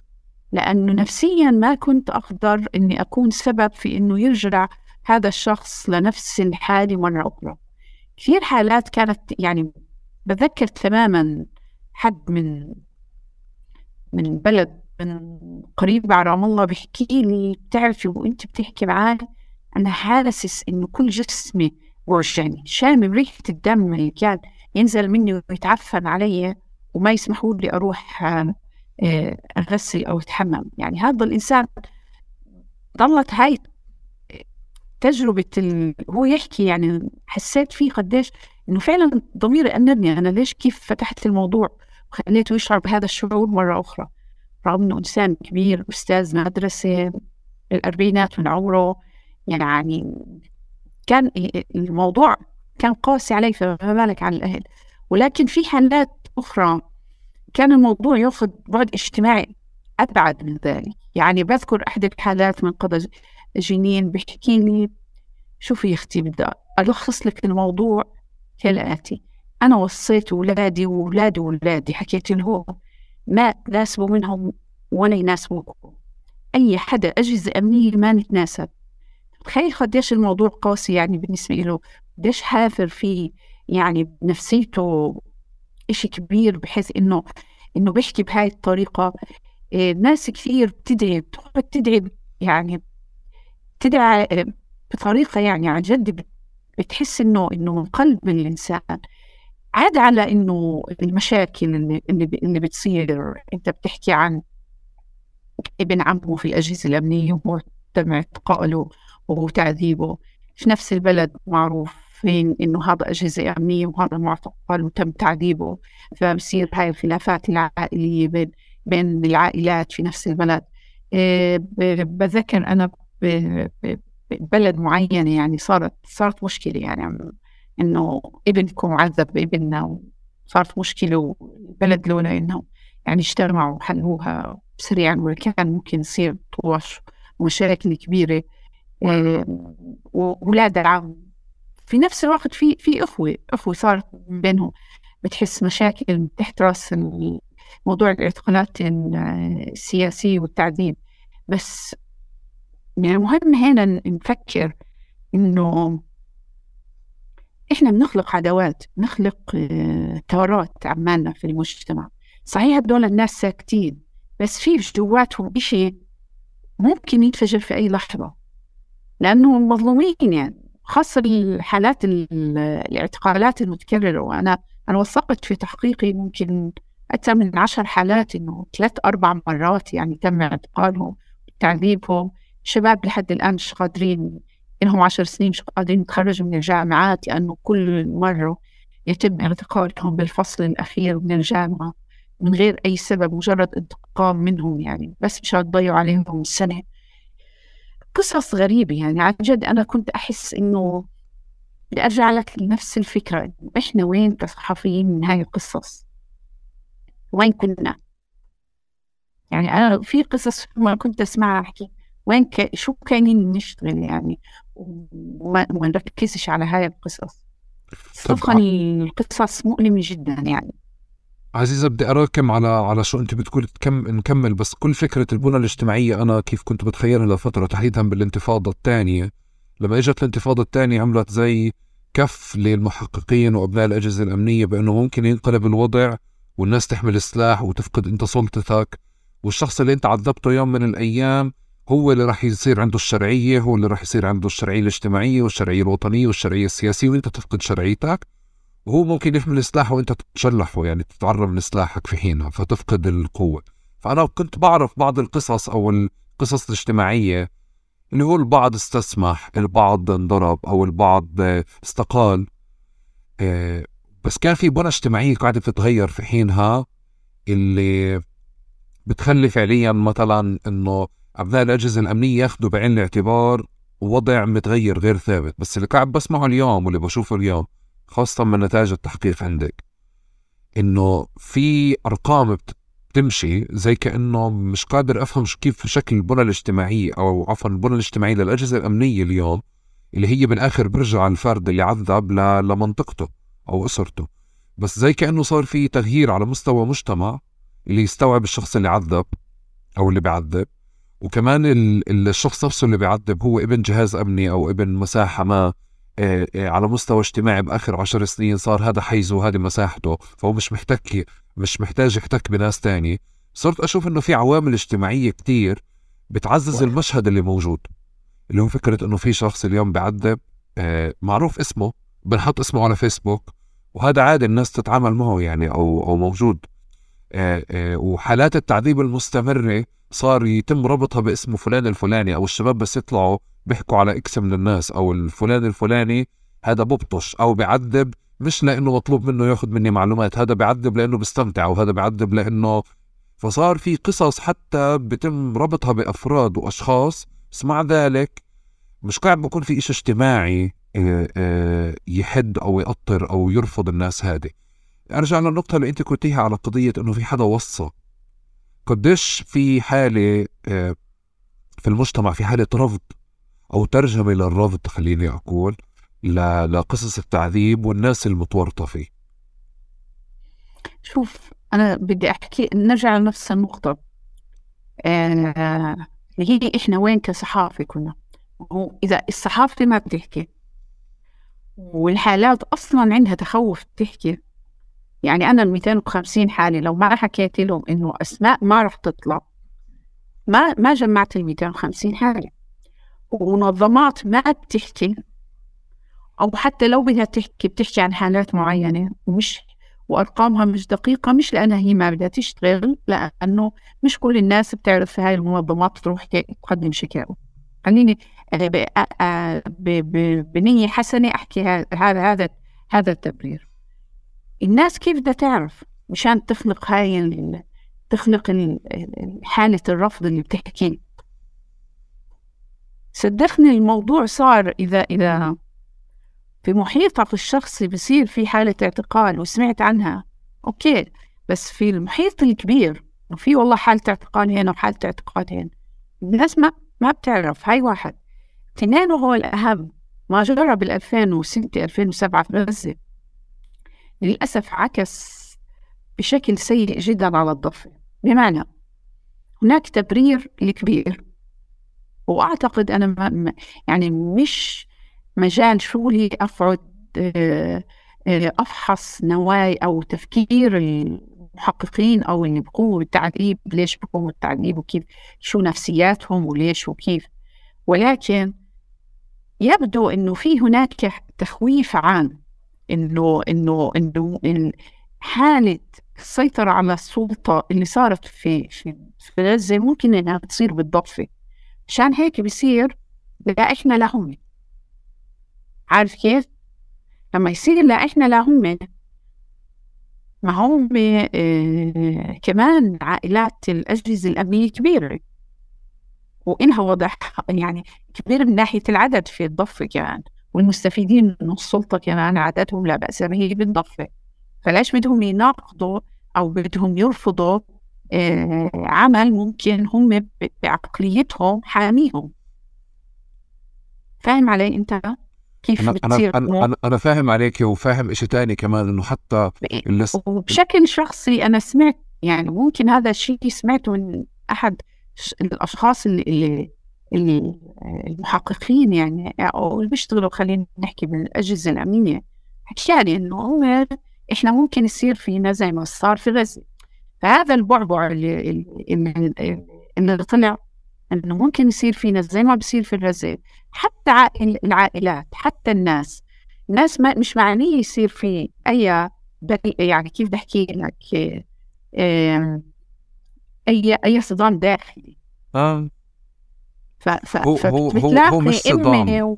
إما يعني يعني بتلاقي هذا المحيط اللي حتى ما له بطرفي الصراع الداخلي هذا اللي صاير عندنا. بيحكوا لك إنه آه، خلص إنه آه، هلأ بدنا نعمل مشاكل داخلية ويصير في قتل بين الإخوة مع أولاد البلد مع بعضهم وبسقط موضوع التعذيب. إلا إذا كان إشي قريب عليهم. يعني قريب من محيطهم قريب من أسرتهم قريب من عائلتهم قريب من الدائرة اللي عايشين فيه. بس إجمالا ما بتلاقي الناس بناقشوا في الموضوع بالضبط. يعني أنا أنا هيك بشوف من من من صح صح. مشاهداتي مع أهلي مع عائلتي مع صار صار عزيزة أمر واقع واحد اثنين الحالات بتستمر ثلاثة كمان الأجهزة الأمنية استثمرت كثير اجتماعيا ببناها بأبنائها عملت علاقات اجتماعية بعقليتهم عرس الواحد فيهم مش اليوم هو مش بيشتغل بشركة بيحضر جهاز أمني كامل والأجهزة الأمنية بيحضروها وتنظيم المنطقة بيحضرها صحيح. وبالإضافة كمان لإشي كتير مهم إنه أنا بالنسبة لي مش بس بناقش قضية أبناء الأجهزة الأمنية أنا عم بناقش قضية التعذيب لأنه في لها نتائج حتى أنا شفتها بعد ما حماس استلمت بالسلطة في غزة بمعنى شكل المظلومية اللي موجود عند أبناء الأجهزة الأمنية وفعليا وكمان محقين إنه آه إذا انقلبت الدنيا أو غيرك حمل سلاح أكيد ينتقم منك ما أنت بطشت فيه وعلى وعلشان هيك إحنا بنحكي عشان هيك أنا أنا شخصيا يعني أنا واصل لهي القناعة إنه هاي الممارسات ممكن تمارسها أي سلطة آه تمتلك يعني أي جهة تمتلك السلطة آه آه, آه. واللي عنده مظلوميه لسه بكون بطش أكثر يعني أكثر. فعليا صحيح. يعني على مدار السنتين القصص اللي بنسمعها على أبناء فتح ما بعد سنتين كمان في غزة إنه آه في إشي هناك كان كمان مجنون قاعد بصير. يعني فكرة إنه الشخص اللي عرف التعذيب ما راح يعذب هذا مش مزبوط يعني بالعكس في بطش صار آه شفناه ضمن أكثر من إطار آه وهذا المهم إنه ننوه له إحنا بنحكي على على موضوع التعذيب في الضفة تحديدا لأنه يعني أنا شخصيا لأنه لما أنا نشرت التحقيق صار في هذا الحكي إنكم دائما بتحكوا طب شوفوا شو بصير في غزة أنا شخصيا صحفية ما بعرف شيء من غزة ما بوصل على غزة وريت لو كان وأنا فعلا طرحت على أحد الزملاء نعمل التحقيق بغزة والضفة ولكن ما مش الحال يعني. ما كانت عملية يعني لما فكرنا في الموضوع عملية إنه المساو... نساوي بين السلطتين سلطة الحاكم في غزة والسلطة الموجودة كانت مش مش قانونية يعني. أنت بتحكي عن سلطة وطنية هي معترف فيها لدى العالم يعني. اللي هي اللي هي وقعت على الاتفاقيات الدولية اللي هي وضعت القوانين. فكان الموضوع مش عادي يعني. ولكن إحنا بنحكي عن عن محيطنا عن مكاننا اللي إحنا موجودين فيه في الضفة. آه وبنحكي وأنا فكرتي بشكل اساسي يعني وصلت لهذه الفكرة إنه أي حد في في موقع السلطة في موقع السلطة المشوه اللي موجود حاليا بالواقع الفلسطيني ممكن يلجأ لهاي لحماية نفسه لهاي الأساليب لحماية نفسه لأنه هو أصلا بالواقع سلطة مش طبيعي. هي هي عزيزة عشان إحنا فعليا نسكر هاي دائرة التعذيب اللي رح تضل مستمر من طرف للتاني لازم يكون فيها قطع بمكان ما. آه، وفي مسار مثل ما صار في غزة فعليا هذا مسار اللي هو المصارحة المجتمعية. اللي على مدار السنين بس قاعدين بيعملوا ب ب يعني مش بس الأحداث الأيام اللي هي قضية الاشتباكات ما بين حماس وفتح لا جزء منها حتى بالاعتقالات والبطش والتعذيب هذا مش راح يبقى سهل يعني لا لا هذا مش راح يكون سهل هذا هذا فعليا عم بأخذ كتير وقت يعني وبأخذ يعني إحنا نتمنى إنه نوصل لهي المرحلة ولكن الأهم الأهم من هاي الخطة المفروض وقف الممارسة بالبداية. ثم أنت عشان هيك صح حتى صح أنا صح. أنا يعني أنا خلصت التحقيق من سنة وبفكر أعمل أبديتنج على التحقيق لأنه عمليا كل شيء ماشي. كل شيء زي ما هو. يعني يعني كل شيء زي ما هو. وهذا السؤال القاسي اللي يسأل لك لما تعرض التحقيق في في في منصات خارجية بيسألوك شو تأثير التحقيق؟ ما في حدا بيسأل. يعني ما في أي تغيير يذكر. ما في أي تغيير على على المنهجية أو على السلوك الأجهزة الأمنية نتيجة نشر تحقيقات نتيجة فضح ممارساتهم. بالعكس ما في حدا بوقف عند هاي التفاصيل. وهذا إشي قاسي يعني. أنت أنت بتحكي عن عن عن سلطة تنفيذية آه، متحللة من كل آه، شيء ممكن يأثر عليها. الموضوع صعب يعني. عزيزة أهم النتائج اللي اللي, اللي أنت وصلتي لها بتحقيقاتك وبعملك وبآخر update بتعمليش update على التحقيق تقدر تعتبر هذه الحلقة هي ال update أنا بترك لك المايك بس بحب أكتر مش بس تعطيني أرقام وحقائق أو تفاصيل بدي أعرف انطباعاتك وصدماتك يعني أكتر. مثل صدمة إنه التعذيب الجسدي مستمر مش التعذيب النفسي فعليا. بدي أعرف معطيات أو تفاصيل وانطباعاتك معها أكثر تفضل.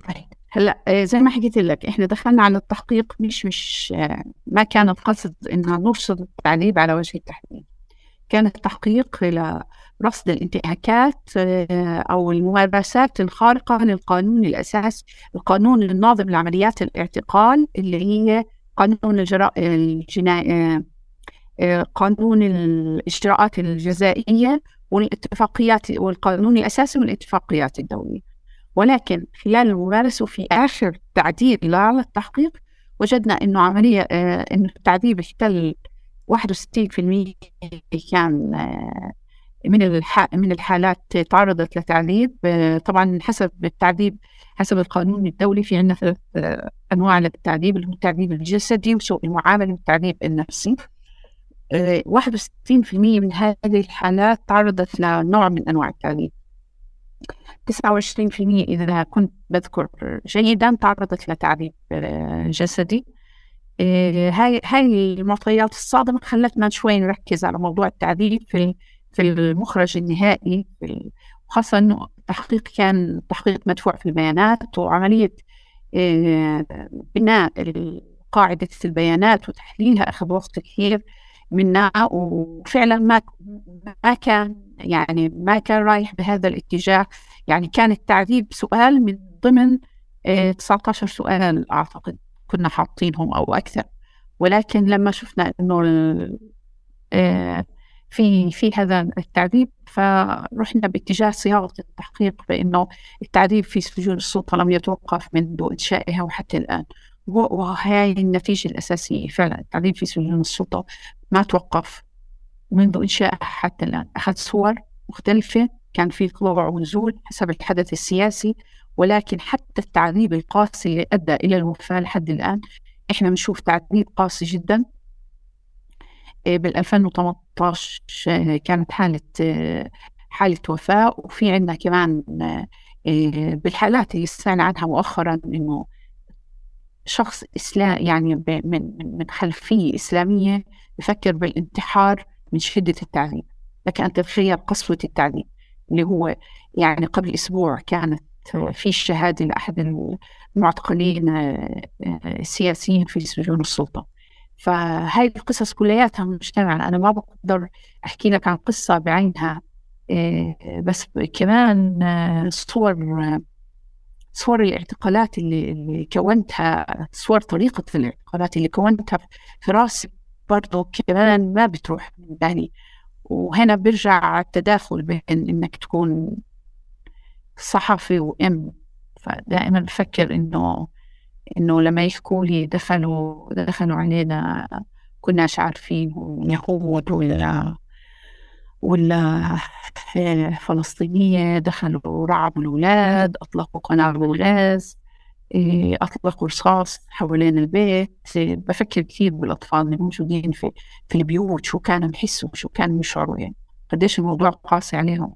وبالآخر إيه، أبوكم ما ما ما اعتقل عند الاحتلال أبوكم عند السلطة. فتخيل قديش الموضوع قاسي. كثير حالات أنا كان الاعتقالات من البيت. إيه، من الأشياء الكثير كثير كانت آه، يعني كمان تستوقفني وأفكر فيها كثير حالات الخطف الأهل يقعدوا يومين مش عارفين وين ابنهم توصل فيهم يعني بذكر واحد من المعتقلين بقضاء رام الله بعد 48 ساعة أهله عرفوا وينه بالصدفة قريبهم خبرهم. كانوا واصلين لمرحلة إنه مخبرين الارتباط يخبروا الاحتلال يسألوه وين راح يعني خلص متأكدين إنه هو معتقل لدى الاحتلال. فعمليات الاختطاف هاي عمليات سيئة جدا. بوقفوا سيارة بنص الشارع بخطفوك بعديها أنت وحظك أهلك يعرفوا وين أنت أو ما يعرفوش وين أنت. الموضوع مش في حالات صعبة كمان من الحالات اللي وثقتها الحالات اللي بتضطر يضرب عن الطعام. تخيل واحد مضطر يضرب عن الطعام في سجن تابع للسلطة الفلسطينية أربع أيام بس عشان يسمحوا له يتصل على أهله ويحكوا لهم وين أنا. يعني الموضوع صحيح. يعني برجع بحكي لك القصة مش بس قصة تعذيب ضرب. يعني القصة بالمرة مش قصة تعذيب ضرب. قصة يعني أصعب من هيك بكثير يعني. في ناس فعلا تحسهم هشين ما بيتحملوا هاي القساوة يعني من أبناء جلدتهم ما بيتحملوا تحس إنه هم يحكوا معاك قديش صوتهم بيرجف قديش متوترين قديش إنه يعني في في حالة بذكرها جيدا قد طول كلمة أعتقد.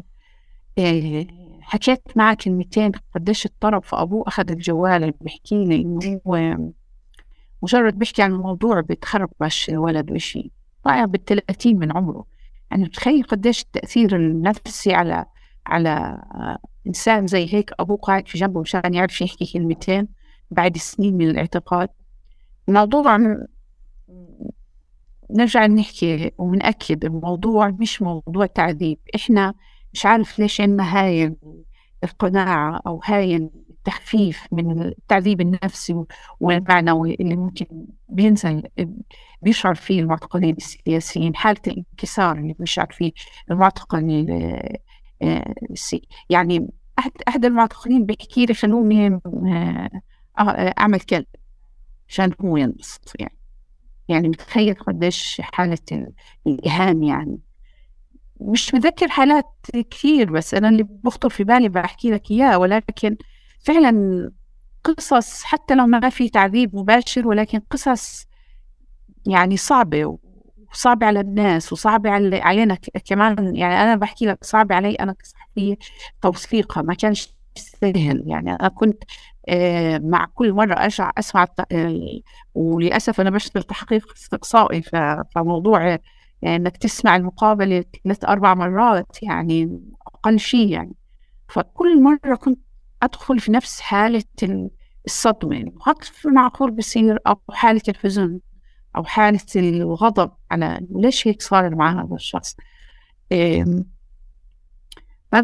وفي فكرة ثانية موضوع الأطفال. موضوع الأطفال إشي كثير صعب على فكرة. وأنا وثقت حالات كم حالة لأطفال اللي هم آه، عمر 12 وعمر 16 سنة. هدول الناس يعني كمان كان لهم حالات صعبة يعني. فكل كل الموضوع على بعضه موضوع صعب على الأهالي نفسهم صعب على الأشخاص اللي تعرضوا للاعتقال نفسهم وصعب علي علي علي, علي, علي أنا كصحفية إعداد هذا التحقيق. ولكن للأسف بستغرب إنه ليش الناس ما بيشعروا بنفس هذا الشعور عشان نعمل عملية الرفض اللي أنت حكيت عنها بحيث إنه نعمل التغيير؟ وهذا سؤال دائما براودني يعني معقول أنا حساس زيادة عن اللزوم يعني؟ بس هاي طبيعة بشرية يعني.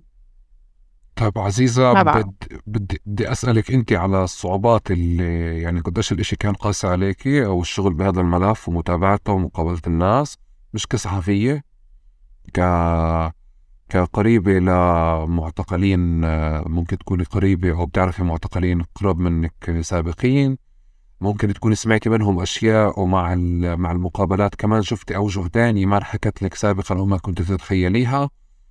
بس هيك بحتاج يعني جربي أعزل الصحفية. تماما في إجابتك عن هذا السؤال وخبريني عزيزة فعليا. آه، قديش كان آه، الموضوع هذا قاسي عليها ومتابعته قاسي عليها آه، أكثر من إنها صحفية أو بتعمل بدور الصحفي. وك... ك... كإنسان أول شيء ك... كإنسانة بعيدا عن الصحافة. كان عندي كمان كإنسان تأنيب الضمير. إني ما كنت أعرف عن هدول الناس. إلا ممكن يعني لأنه صار عندي حالة شخصية صرت أحس بمعاناة هدول الأشخاص.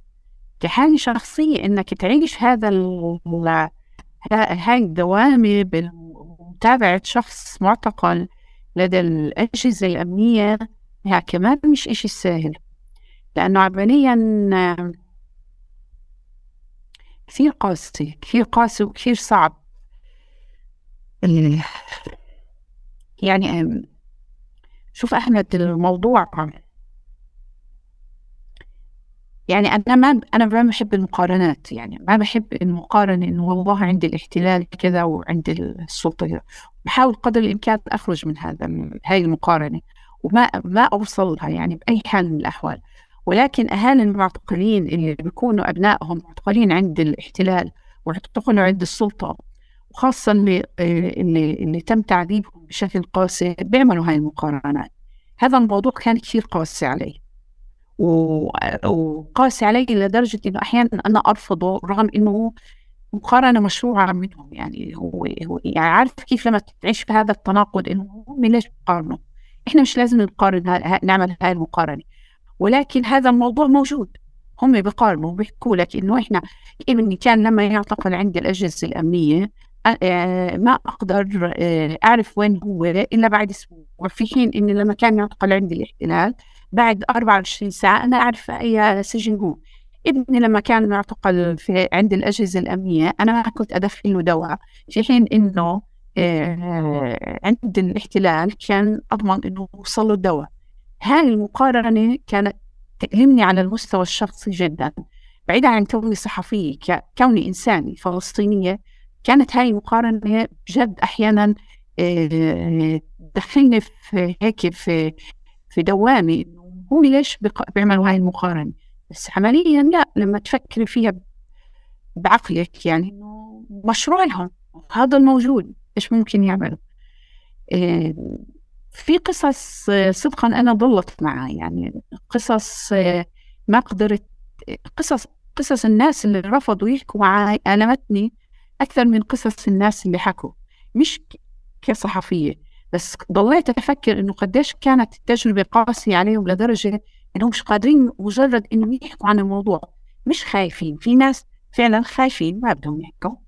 في ناس بيحكوا لك إنه ابننا بده يتخرج ابننا بده يشتغل ما بدناش نفتح هذا الموضوع ما صدقنا وإحنا نخلص ماشي بس في ناس قساوة التجربة أسكتتهم أخرستهم يعني. عارف كيف؟ صارت تجربه نفسيا. هذول الناس كنت يعني لما يعتذروا مني شيء يلمني الموضوع. أفكر إنه قديش الموضوع كثير مؤلم لدرجة انهم مش قادرين يحكوا عنه. تعرف كإنسان إنك توصل لمرحلة في موضوع تتجاهله رغم الألم النفسي اللي اللي خلفه بداخلك هذا موضوع إنه إشي قاسي جدا جدا جدا عليك. فهاي هاي هاي القصص يعني كعزيزة بعيدا عن الصحافة.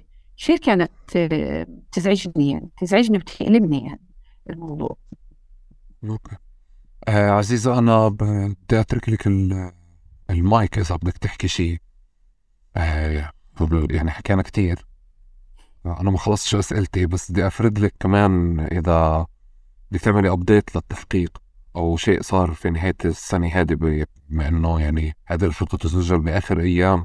من 2022 وراح تنبث ب أو تنتشر ب 2023 فبترك لك المايك إذا بدك تحكي لي إشي جديد أو شيء ما حكيناه سابقا وقبل ما أنهي. أنا بحب أركز كثير على موضوع إنه طرق هاي القضايا مهم جدا. ومش مهم جدا لأنه أنا ضد هاي السلطة أو أنا أنا آه، معارضة لهذه السلطة فأنا لازم أروح أشتغل كل القضايا اللي اللي بت آه، اللي ضد السلطة ومن هالحكي وهذا الحكي اللي بوصلنا دائما. هذا الحكي اللي دائما بوصلنا إنه أنتوا دائما بتنبشوا و... وأي شيء ضد السلطة بتروحوا بتعملوا. لا الموضوع مش هيك تماما. موضوع إن في قضية إنسانية قضية حقوق إنسان قضية بتمس أشخاص كثير إحنا بالتحقيق آه، الأرقام اللي وصلنا لها فقط من المؤسسات الحقوقية خمسة آلاف وشوي مش بتذكر الرقم خمسة آلاف وستمية وش كم معتقل سياسي خلال أربع سنوات. هذا الرقم رقم عالي. أضربه باثنين لأنه في ناس كثير ما بتوصل لهي المؤسسات الحقوقية وما بيتم توثيق الانتهاكات ضدها. انت بتحكي عن رقم مهول ليش هدول الناس جزء من الشعب الفلسطيني بيضطر إنه يخوض هاي التجربة؟ هذا اللي إحنا بنناقش فيه. ما بنناقش إني أنا ضد السلطة كسلطة أو ضد الأجهزة الأمنية كأجهزة أمنية. أنا بناقش على السلوكيات إحنا من هذه التحقيقات اللي بنقوم فيها كصحفيين الباب الواجب اللي علينا كصحفيين وسلطة رابعة بحيث إن نعمل على تحقيقات آه، تكشف الفساد تكشف الخلل تكشف الانتهاكات بما يتعلق بحقوق الإنسان فقط لا غير. هذا موضوع أنا بحب كثير إن نركز عليه. للأسف في وضعنا الفلسطيني الاصطفافات دائما دائما دائما هي اللي بتقيم. أنت عملت تحقيق ضد شيء فساد أو شيء ينتهك حقوق الإنسان ضد هاي في هاي في هاي المنطقة إذا أنت معارض للسلطة الحاكمة. ما في هذا الفهم لدور الصحافة كسلطة رابعة مراقبة على الوضع العام. أتمنى نوصل لهاي المرحلة أتمنى نوصل لمرحلة إنه نفهم إيش دور آه الصحافة. هذا إشي كثير مهم بالنسبة إلي.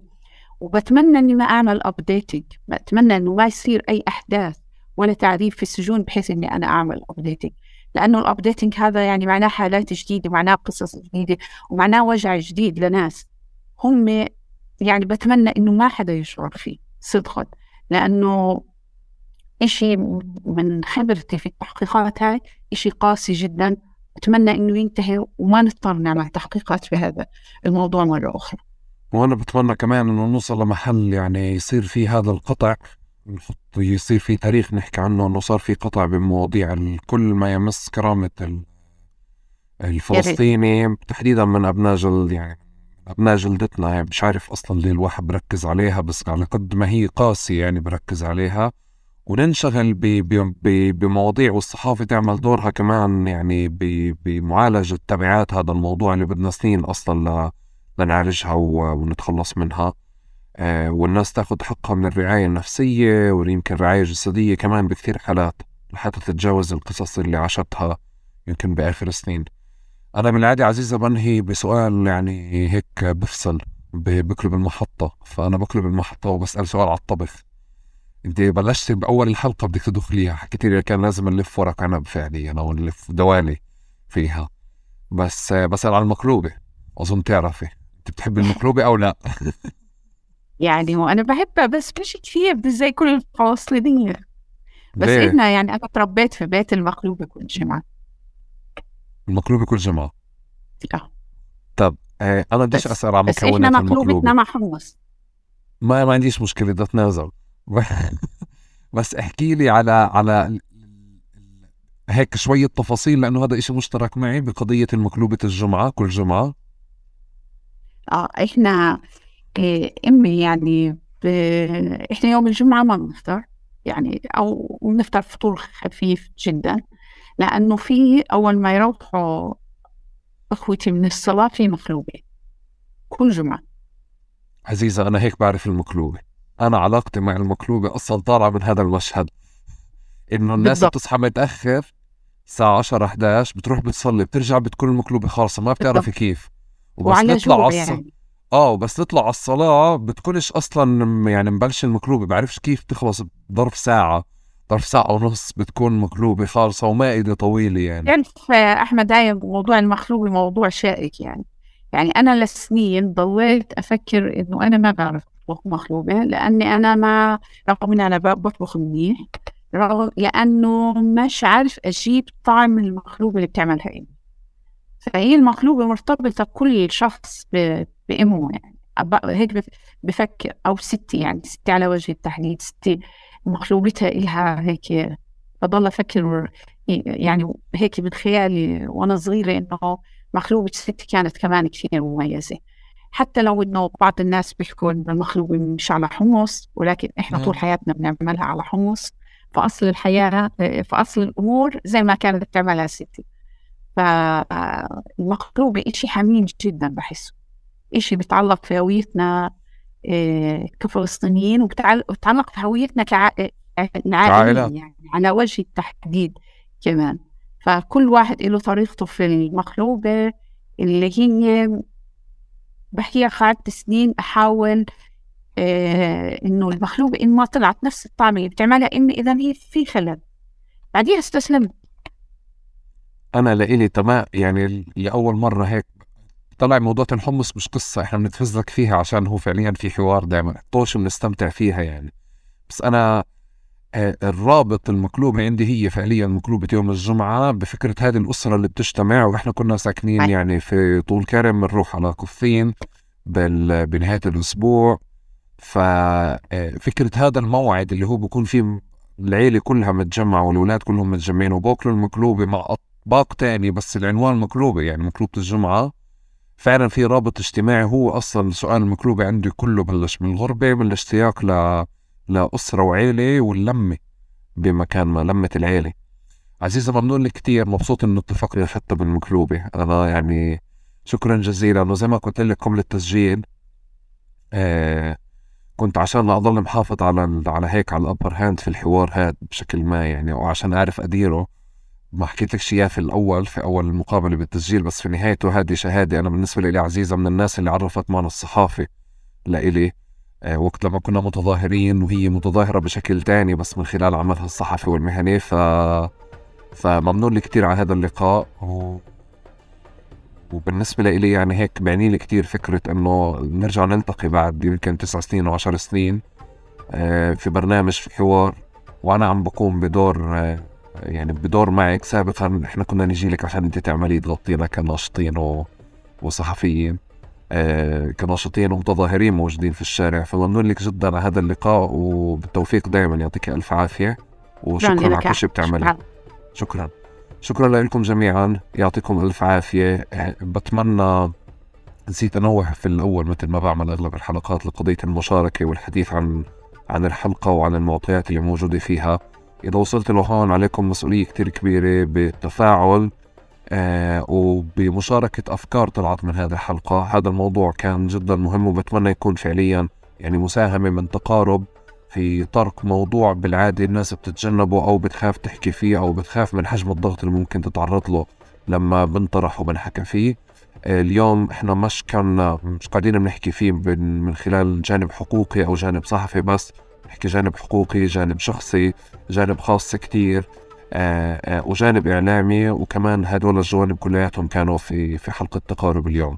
حول قضايا التعذيب وبنتمنى فعلا نوصل ليوم ما في أي امتهان لكرامة الفلسطيني واللي هو لإلنا أنا بالنسبة لي على مستوى شخصي في كرامة أو في شرف ما بإنك الواحد يدخل بسجن من سجون الاحتلال ويتعرض ل لتعذيب أو مواجهة. ما في معنى للمواجهة هناك بس ما في مع أي معنى لمواجهة آه، الفلسطينيين وأبناء الأجهزة الأمنية في آه، وتحديدا قضايا التعذيب وامتهان الكرامة عندهم. شكرا جزيلا لكم ويعطيكم ألف عافية.